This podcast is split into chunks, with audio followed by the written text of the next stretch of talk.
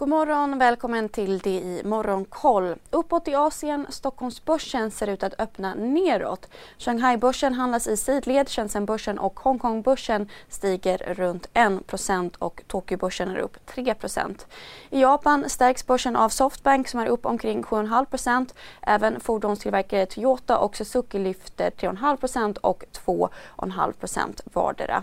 Kinesiska techaktier fortsätter uppåt. E-handelsjätten Alibaba lyfter ytterligare ytterligare 7% efter gårdagens besked om att bolaget eh, utökar sitt aktieåterköpsprogram. Även tekniktillverkaren Xiaomi lyfter 4,5% efter nyheter om ett eh, återköpsprogram och ett intäktslyft på drygt 21% under fjärde kvartalet. Så till Rysslands krig mot Ukraina.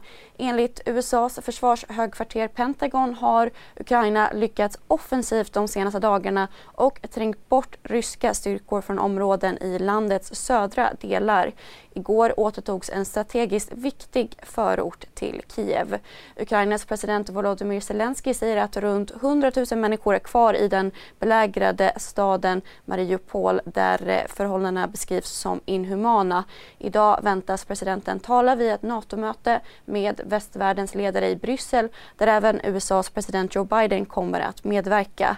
Bland annat sanktioner ska diskuteras på mötet där NATO, G7 och EU samlas. Så USA där börserna stängde uppåt igår.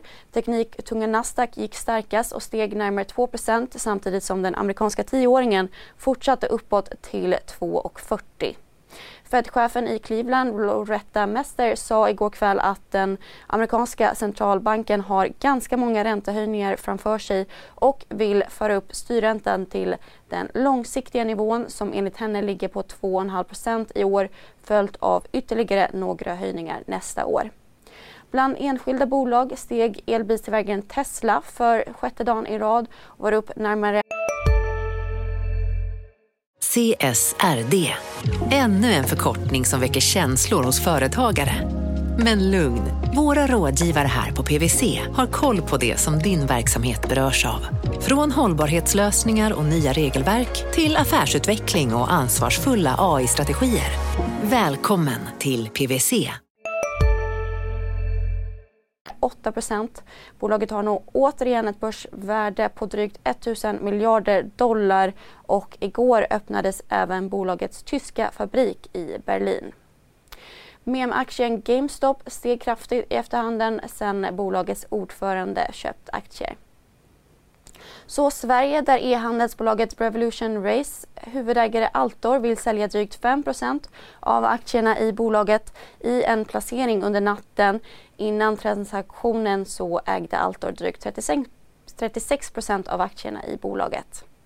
Och under Ericssons möte igår kväll så meddelade vd Börje Ekholm att bolaget för konstruktiva samtal med det amerikanska justitiedepartementet kring undersökningen i Irak. Det meddelades också att bolaget inte kommer ge svar på alla aktieägares frågor kring utredningarna som ingår i avtalet med departementet och storägaren Swedbank Robur meddelade att de behöver utvärdera nyheterna från mötet.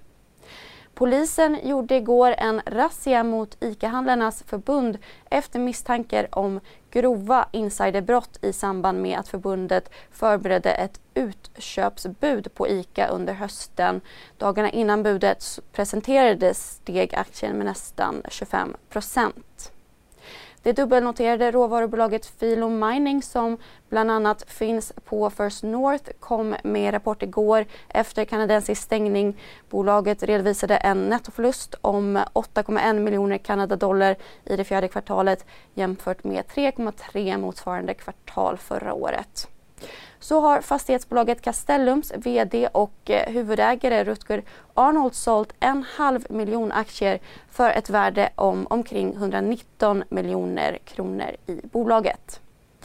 Och under dagen ser fram emot kapitalmarknadsdag från Loomis som väntas presentera nya finansiella mål, även brittisk inflationsstatistik och producentprisindex. Missa inte heller Börsmorgon 8.45. CSRD. Ännu en förkortning som väcker känslor hos företagare. Men lugn, våra rådgivare här på PWC har koll på det som din verksamhet berörs av. Från hållbarhetslösningar och nya regelverk till affärsutveckling och ansvarsfulla AI-strategier. Välkommen till PWC. Hej, Synoptik här. Så här års är det extra viktigt att du skyddar dina ögon mot solens skadliga strålar. Därför får du just nu 50% på ett par solglasögon i din styrka när du köper glasögon hos oss på Synoptik. Boka tid och läs mer på synoptik.se. Välkommen!